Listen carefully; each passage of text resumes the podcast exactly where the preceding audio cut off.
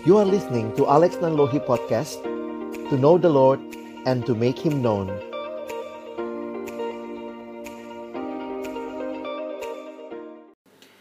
Bapak Surgawi kami bersyukur buat kesempatan ini. Tuhan boleh menyegarkan kami Kami juga boleh berinteraksi, bermain bersama Dan kami akan lanjut dalam sesi yang kedua. Berkati baik setiap kebenaran yang kami akan pelajari Dan bagaimana juga kami bisa meresponinya Khususnya di dalam kebersamaan kami melayani Tuhan ke depan Waktu ini kami persembahkan Tuhan yang memimpin Dalam nama Yesus kami berdoa Amin Iya, teman-teman kalau tadi kita bicara lebih banyak bicara panggilan pelayanannya, maka bagian yang kedua ini saya akan menolong kita untuk melihat kebersamaannya seperti tema kita ya. Coba kita lihat sama-sama. saya coba share screen dulu. Jadi berharap memang uh, dua tahun ke depan ini boleh menjadi kesempatan yang indah Tuhan bukan hanya mengaruniakan pelayanan, tetapi juga Tuhan mengaruniakan persahabatan di tengah-tengah pelayanan kita bersama. Oke. Okay. Nah, kalau tadi kita bicara tentang serve God, maka bagian yang kedua ini saya mau fokus kepada together we, ya, bersama-sama kita. Nah, teman-teman yang dikasihi Tuhan, kalau bicara tentang kebersamaan, tentang manusia yang adalah makhluk yang membutuhkan manusia lain, maka ingat baik-baik, itu bukan hanya semata-mata teori sosiologi ya, manusia adalah makhluk sosial, tetapi Alkitab dengan jelas mengatakan dari apa yang kita baca di Kejadian 2 ayat 18. Tuhan Allah berfirman, "Tidak baik kalau manusia itu seorang diri saja. Aku akan menjadikan penolong baginya yang sepadan dengan dia." Ayat ini konteksnya kalau kita perhatikan dalam penulisan kitab Kejadian setelah di Kejadian 1, Kejadian 2 bagian awal digambarkan penciptaan yang dikatakan baik, baik, sungguh amat baik, maka pertama kali di Alkitab kita muncul kata tidak baik ya di sini. Kejadian 2 ayat 18. Dan apa yang tidak baik? Tidak baik kalau manusia itu seorang diri saja. Maka dikatakan Tuhan sendiri, aku akan menjadikan penolong baginya yang sepadan dengan dia. Nah, jadi kalau perhatikan ayat ini bahwa ini bukan hanya bicara soal pacaran, pernikahan, begitu ya. Tetapi ayat ini sebenarnya bicara kemanusiaan yang paling dasar, bahwa kita manusia yang selalu membutuhkan manusia lain. Sehingga bisa kita simpulkan bahwa Allah sendiri adalah Allah yang menghendaki manusia untuk mengasihi, untuk saling mengasihi. Karena itu seorang teolog uh, John Stott mengatakan sebagaimana ikan dibuat untuk air, umat manusia dibuat untuk kasih, untuk mengasihi Allah dan mengasihi sesama kita. Dan teladan kasih Allah itu adalah teladan yang sudah dinyatakan melalui apa yang di kita lihat di kayu salib. Kematian, kebangkitan Kristus menyatakan kasih Allah yang besar kepada manusia. Allah yang tidak mau manusia binasa karena begitu besar kasih Allah akan dunia ini sehingga ia telah mengaruniakan anaknya yang tunggal supaya setiap orang yang percaya kepadanya tidak binasa melainkan beroleh hidup yang kekal. Kasih Allah dikaitkan dengan tujuan akhir manusia. Kalau manusia di dalam dosa, tujuan akhirnya adalah kebinasaan. Tetapi karena kasih Allah dinyatakan, maka setiap yang percaya kepada Kristus boleh memiliki tujuan akhir, yaitu hidup yang kekal. Nah, ini hal yang menarik untuk kita perhatikan dalam kekristenan. Kalau tadi kita sudah bicara kasih, maka kasih itu sesuatu yang diteladankan oleh Allah.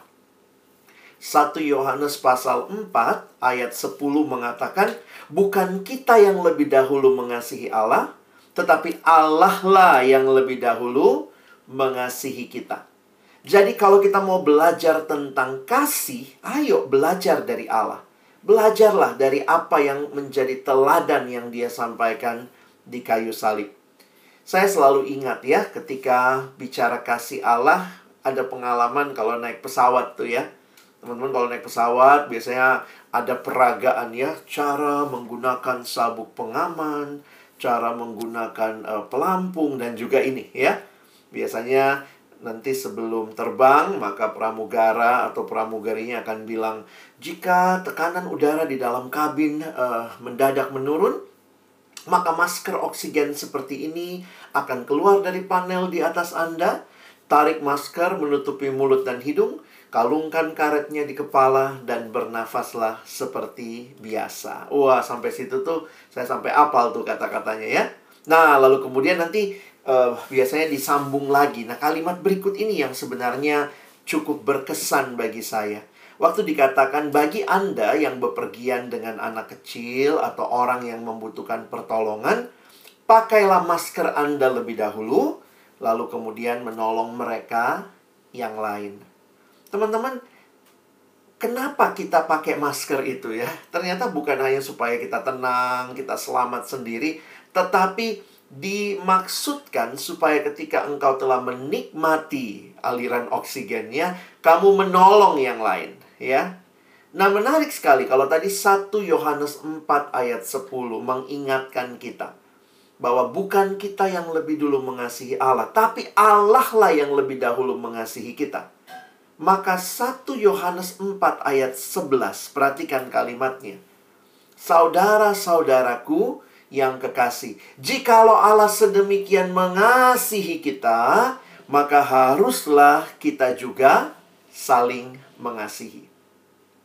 Teman-teman, ini panggilan yang luar biasa, termasuk waktu kita melayani. Jadi kita ingat ya, waktu engkau dan saya melayani, kita dipanggil untuk menyatakan kasih Allah kita dipanggil untuk boleh juga saling mengasihi. Waktu kalian jadi pengurus, membuat program untuk teman-temanmu sesama pemuda, kalian memikirkan, kalian kontak pembicara, kalian menghubungi, kalian mungkin persiapan jadi MC, persiapan lagunya, slide-nya semua. Itu adalah bentuk kamu mengasihi Tuhan dengan mengasihi sesamamu.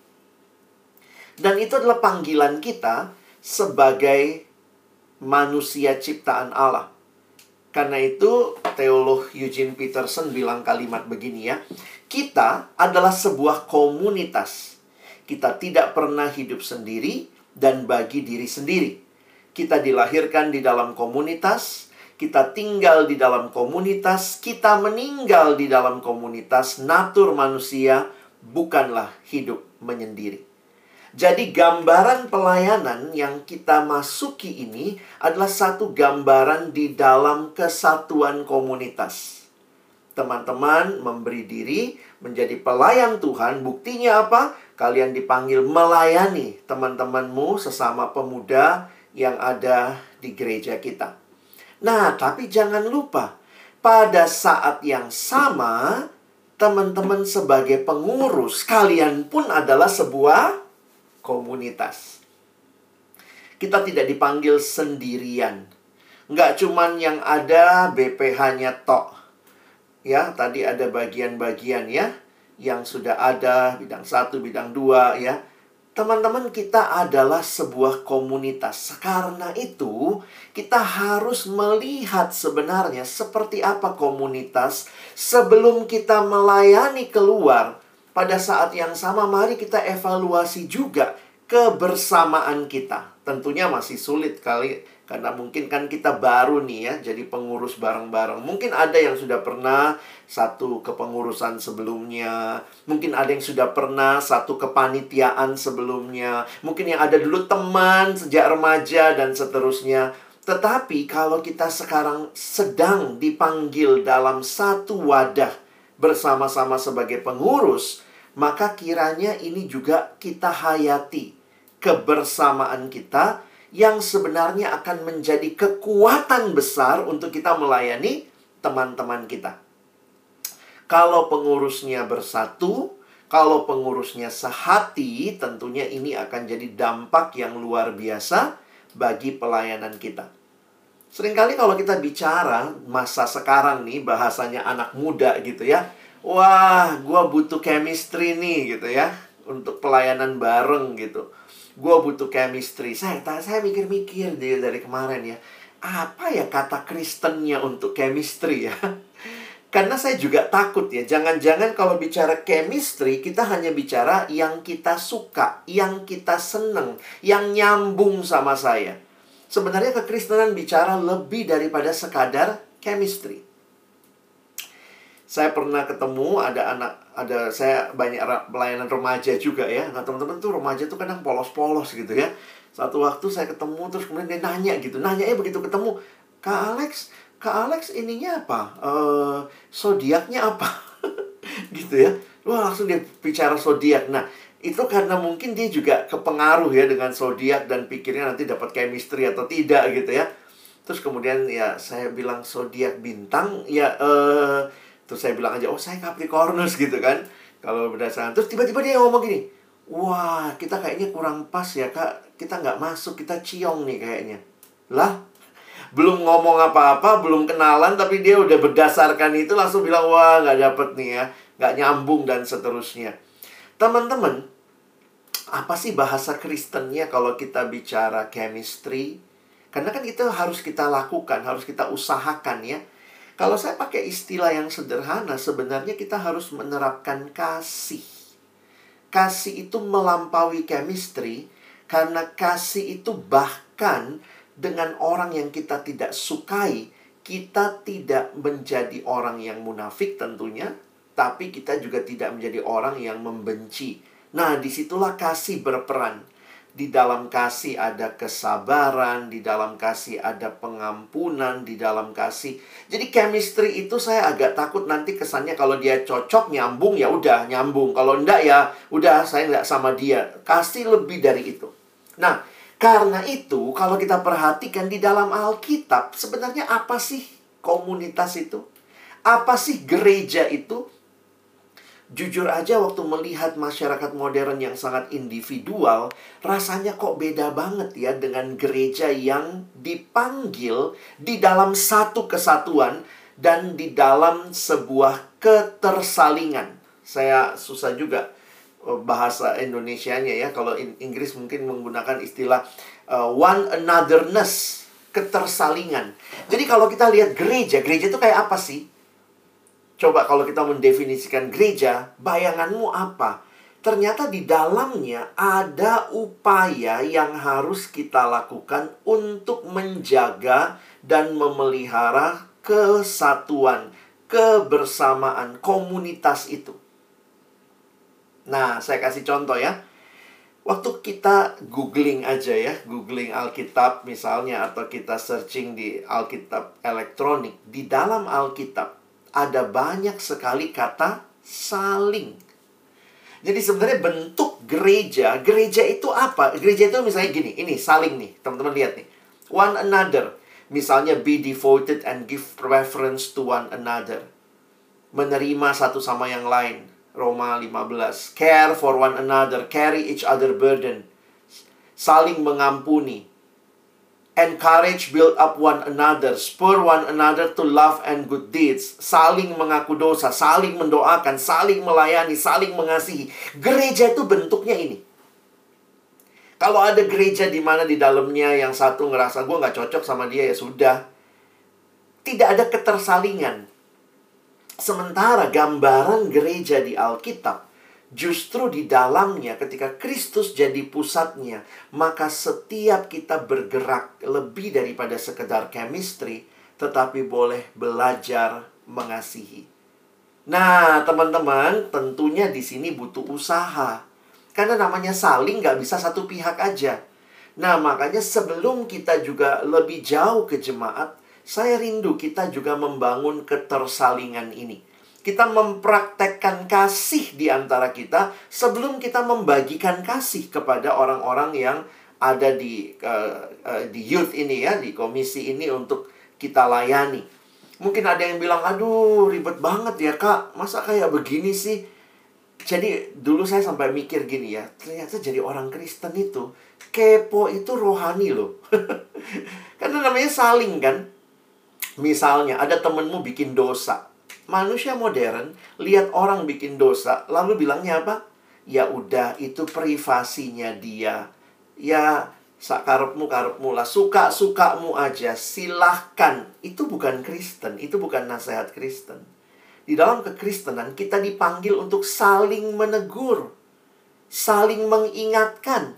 Kalau udah tahu ada orang yang mau jatuh dalam dosa, kita punya tanggung jawab apa apalagi ya apalagi mungkin memang ada yang bilang tapi kan susah kak kalau dia begitu kita tidak kenal dia oke okay lah.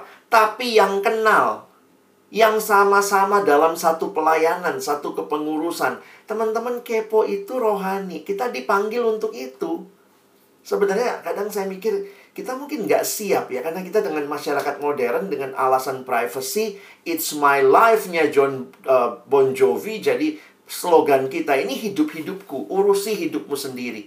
Kekristenan justru dipanggil mengurusi hidup satu sama lain. Emang berat loh jadi orang Kristen ya. Di sinilah teman-teman kita dipanggil untuk berbagi. Nah ini mesti ada usaha namanya juga dua belah pihak. Mungkin kamu bilang, wah ribet banget, berat banget, susah banget. Ini baru segini teman-teman. Mau lebih banyak? Nah, Nanti kalian bisa lihat begitu ya di Alkitab tuh banyak sekali bagian yang mengingatkan kita bahwa kita nggak dipanggil seorang diri, tapi bersama-sama. Nah ada satu gambaran yang saya mau siang hari ini, nanti kan kita masuk sharing ya. Nanti um, Kak Alex ingin kita belajar untuk menghayati gambaran tubuh Kristus ini. Tentu saya nggak tahu seberapa dalam kalian kenal satu sama lain. Saya kasih pertanyaan guideline saja tapi kalau waktunya kalian rasa mau cerita di luar pertanyaan itu juga silahkan ya dalam kelompok nanti pengurus BPH akan bagi kalian dalam kelompok ya. Tapi gambaran yang Alkitab berikan salah satunya tentang gereja, tentang jemaat adalah gambaran tubuh ya. Itu di 1 Korintus 12 ayat yang ke-20 ayat yang ke-12 sampai dengan ayat yang ke-31. Nah, saya juga tidak akan bacain ayat ini semua. Ayatnya sih cukup panjang ya.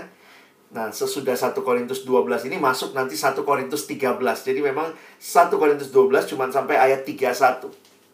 Nanti teman-teman silakan bisa baca lebih lengkap. Saya akan cuplikan saja beberapa prinsip dari ayat-ayatnya. Seben sebenarnya saya tulis semua ayatnya ya. Nanti kalian bisa baca lah mulai 12, 13, seterusnya ya sampai ayat yang ke 20 eh, 31 ya. Kita tidak punya waktu membaca semua. Nah, saya mau kasih highlight sebenarnya seluruh ayat ini bicara apa? Ini bicara saya simpulkan bicara tiga hal, teman-teman, ya. Nah, ini yang dibicarakan. Namanya dipanggil dalam satu tubuh, maka kita diminta menyikapi berbagai hal ini dengan tepat. Pertama, kita harus bisa menerima perbedaan. Itulah yang dituliskan di dalam ayat 12 sampai ayat 14. Lalu kita dipanggil juga untuk bisa menyikapi perbedaan. Itu yang terlihat di ayat 15 sampai 27 dan kemudian nanti kita akan melihat ada berbagai-bagai karunia karena kita bukan cuma satu orang, kita lebih dari satu orang maka setiap orang dengan karunia-nya masing-masing. Nah, coba kita lihat sama-sama ya nasihat kitab suci untuk kita membangun kasih, membangun chemistry itu ya. Tentunya hal-hal dunia kalian bisa baca lah. Kita butuh komunikasi. Kita butuh hangout bareng. Kita butuh lebih banyak main galtik gitu ya. Kita butuh itu kan semua membangun ya. Nah, sekarang kita lihat nasihat-nasihat alkitabiahnya begitu ya apa yang sebenarnya butuh lagi kita sadari lebih mendasar untuk kita membangun kebersamaan kita. Pertama, menerima perbedaan. Teman-teman, perbedaan itu karunia Tuhan. Nggak ada dari kita yang pernah milih lahir jadi orang Tionghoa, lahir jadi orang Batak, lahir jadi orang Jawa, lahir jadi orang Ambon, jadi orang Manado. Berarti dari situ saja Allah kita adalah Allah yang mengizinkan, Allah yang menghendaki perbedaan. Karena itu, ya belajar menerima perbedaan. Dan perbedaan itu banyak ya. Makanya di dalam ayat-ayat ini sebenarnya menerima perbedaan kita digambarkan sebagai satu tubuh banyak anggota. Nah, Nanti teman-teman bisa lihat ayat 12, ayat 14 gitu ya, terus ya. Nah, uh, ini Kak Alex coba berikan ayat-ayatnya di sini ya. Coba lihat ayat 12. Sama karena sama seperti tubuh itu satu dan anggota-anggotanya banyak. Dan segala anggota itu sekalipun banyak merupakan satu tubuh, demikian pula Kristus. 14. Karena tubuh juga tidak terdiri dari satu anggota, tetapi atas banyak anggota. Nah, dilanjutkan lagi, ini dijelaskan ya. Andai kata tubuh seluruhnya adalah mata, di manakah pendengaran? Andai kata seluruhnya adalah telinga, di manakah penciuman? Wah. Andai kata semuanya adalah satu anggota, di manakah tubuh? Memang ada banyak anggota, tetapi hanya ada satu tubuh. Ya, itu nasihat-nasihat yang diberikan. Ayat 27, perhatikan. Kamu semua adalah tubuh Kristus dan kamu masing-masing adalah anggotanya. Nah, kita dipersatukannya di dalam Kristus. Perhatikan ayat 13. Sebab dalam satu roh kita semua, baik orang Yahudi maupun orang Yunani, baik budak maupun orang merdeka telah dibaptis menjadi satu tubuh dan kita semua diberi minum dari satu roh. We are one spirit. For in one spirit we are all baptized into one body. Jadi dari konsep ini, dari prinsip ini, teman-teman ingatlah, kamu tidak akan ketemu satupun orang yang sama persis dengan dirimu di dalam kepengurusan ini. Kesatuan dalam Kristus adalah kesatuan dalam keberagaman, bukan dalam keseragaman.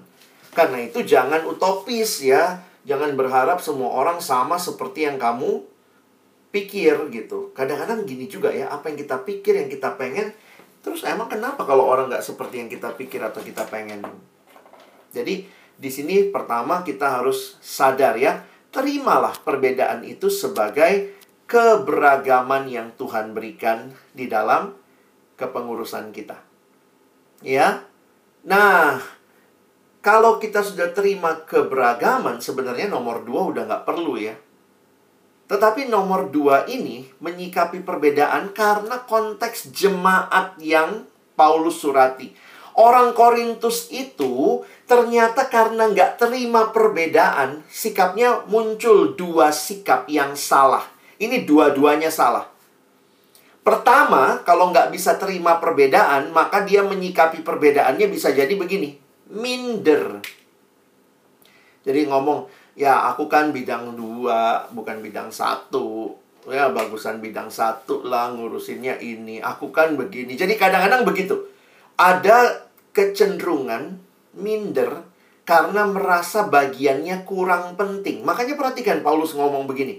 Andai kata kaki berkata, karena aku bukan tangan, maka aku tidak termasuk tubuh. Jadi benarkah tidak termasuk tubuh? Jadi Paulus juga lihat ya ada juga yang kayaknya self pity ya. Ya aku ah, bidangnya doa doang. Harusnya kan aku pengen yang tampil-tampil. Ini doa doang gitu ya.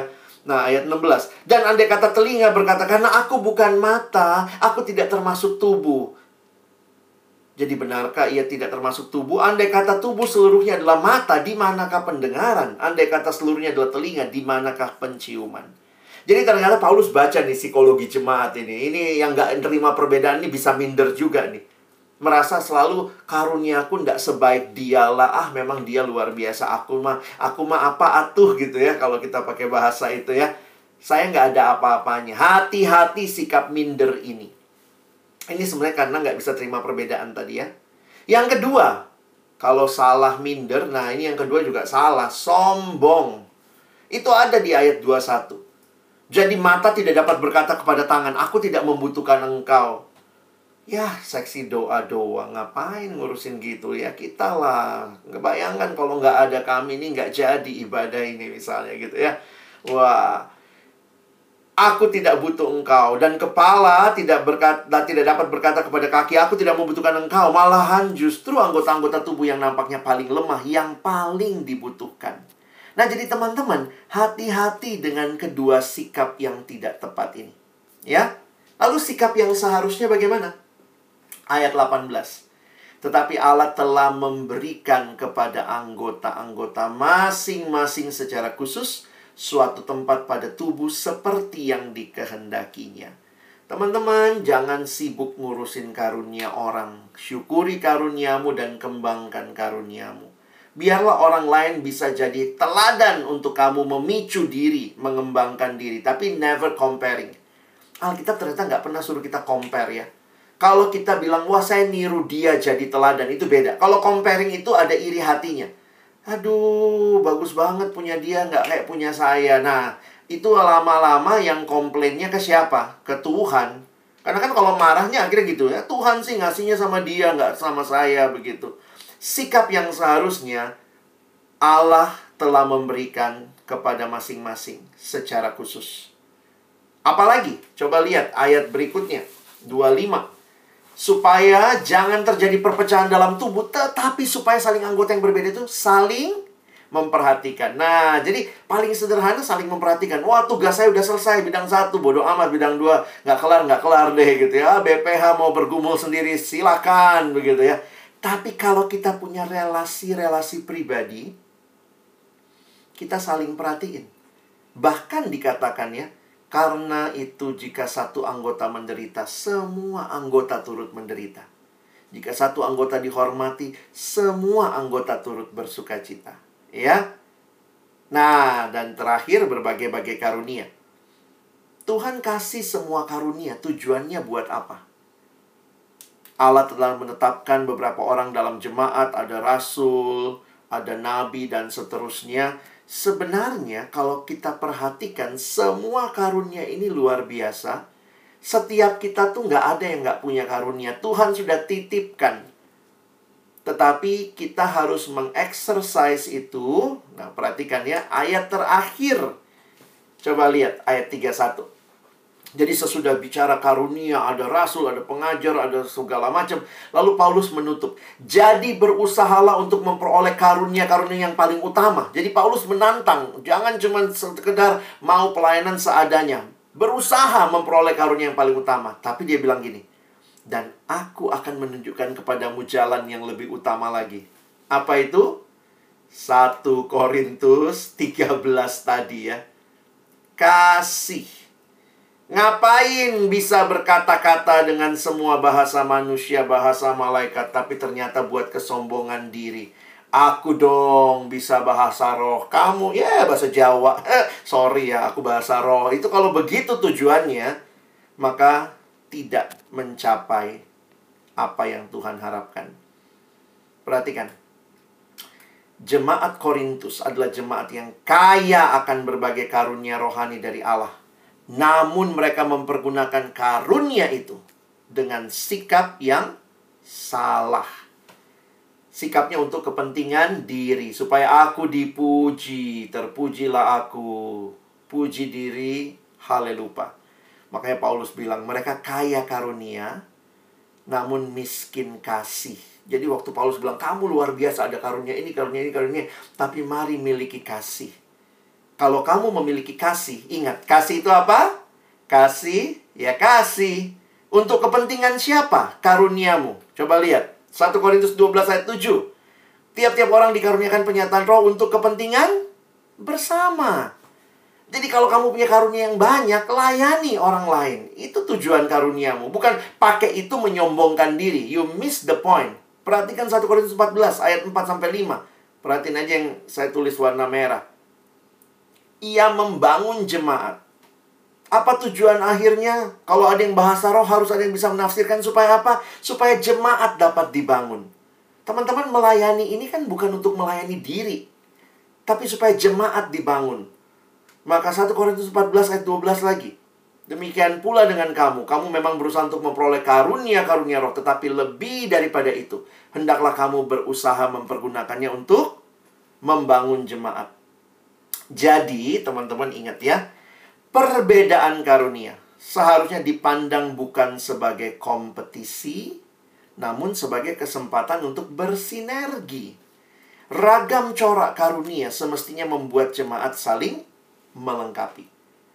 Ingat prinsip ini ya, terakhir. Tubuh Kristus membutuhkan kita. dan kita membutuhkan tubuh Kristus. Secara sederhana, kepengurusan ini membutuhkan kamu. Tapi jangan lupa, kamu pun membutuhkan kepengurusan ini. Kamu butuh teman-teman yang lain. Dan kamu butuh untuk saling berbagi. Mari mulai saling kenal. Mari mulai saling cerita tentang diri kita. Mari kita cerita apa yang mungkin ke depan bisa kita antisipasi ya. Nah, saya tutup dengan kalimat ini. Satu waktu Santo Agustinus ditanyakan bagaimana bentuk dan rupa kasih. Lalu Santo Agustinus menjawab, Kasih memiliki tangan untuk menolong orang lain. Kasih memiliki kaki untuk menghampiri mereka yang miskin. Kasih memiliki mata untuk melihat kebutuhan-kebutuhan orang lain. Kasih memiliki telinga untuk mendengar rintihan mereka yang menderita. Demikianlah rupa kasih. Teman-teman, kamu dipanggil bukan hanya melayani jemaat, mengasihi jemaat teman-temanmu, anggota komisi pemuda, tetapi pertama-tama di dalam kepengurusan ini bangun chemistry-nya. Bangun kasihnya. Gimana caranya? Kasih itu ada tangan bisa nolong yang lain. Mungkin kamu memberi kaki untuk menghampiri, mungkin gak ada yang miskin di sini, tapi ada yang mungkin punya pergumulan, kita bisa peduli, memberi mata, lihat kebutuhan, memberi telinga bahkan aku pengen sharing nih, lagi butuh. Sehingga relasi-relasi kita boleh dibangun satu sama lain. Nah, sesudah ini kita masuk kelompok, kita dengan singkat bisa sharing ya. Tentu yang kita sharingkan, pikirin dulu supaya nanti langsung sambil dijawab teman-teman bisa merefleksikan tiga pertanyaan ini. Apa saja tantangan yang mungkin apa akan saudara hadapi ketika melayani bersama ke depan? Nah, kasih tahu nih sama temanmu satu sama lain. Aku tuh kayaknya dari dalam diriku apa? Dari luar, waduh kerjaanku biasanya akhir bulan tuh susah, sulit. Nah, itu pasti kita bisa share kan? Kasih tahu tantangannya apa nih? aku tuh agak sulit nih ya keluar rumah ya di rumah orangnya eh, gimana mungkin ya wah masih corona begini pada ketakutan atau apa kasih tahu mungkin dari luar dirimu atau mungkin tantangan dari dalam nah tapi bukan hanya itu apa komitmen yang teman-teman mau ambil untuk menghadapi tantangan tersebut ya kalian coba pikirin ya semua kita pasti punya tantangan tapi apa komitmen yang kita mau untuk bisa mengatasi tantangan itu supaya kita bisa melayani lebih baik tentunya ya. Nah, lalu karena nanti ada teman-teman ya kita sharing juga apa dukungan yang kamu butuhkan dari teman-teman sepelayanan, komunitas untuk bisa melayani bersama dengan baik ke depan. Aku butuh ditegur ya kalau aku uh, bikin salah ya, jangan diem ya, misalnya gitu ya. Oh, aku juga boleh ditegur tapi tegurnya empat mata ya, misalnya gitu ya. Wah aku nggak seneng kalau dihakimi. Nanti coba ajak ngobrol ya misalnya. Apa yang kamu butuh dari teman-teman? Supaya nanti kita bisa melayani lebih baik ke depan. Ini bukan segala-galanya. Ini cuma langkah awal membangun chemistry di antara teman-teman tapi yang kita sedang praktekkan sebenarnya adalah kasih ya silakan di screenshot atau mungkin nanti bisa diingat jadi tiga pertanyaan ini bisa mewarnai sharing kita 30 menit ke depan ya. Nanti satu dua orang saya minta bisa share gitu ya. Paling tidak yang ketiganya ya.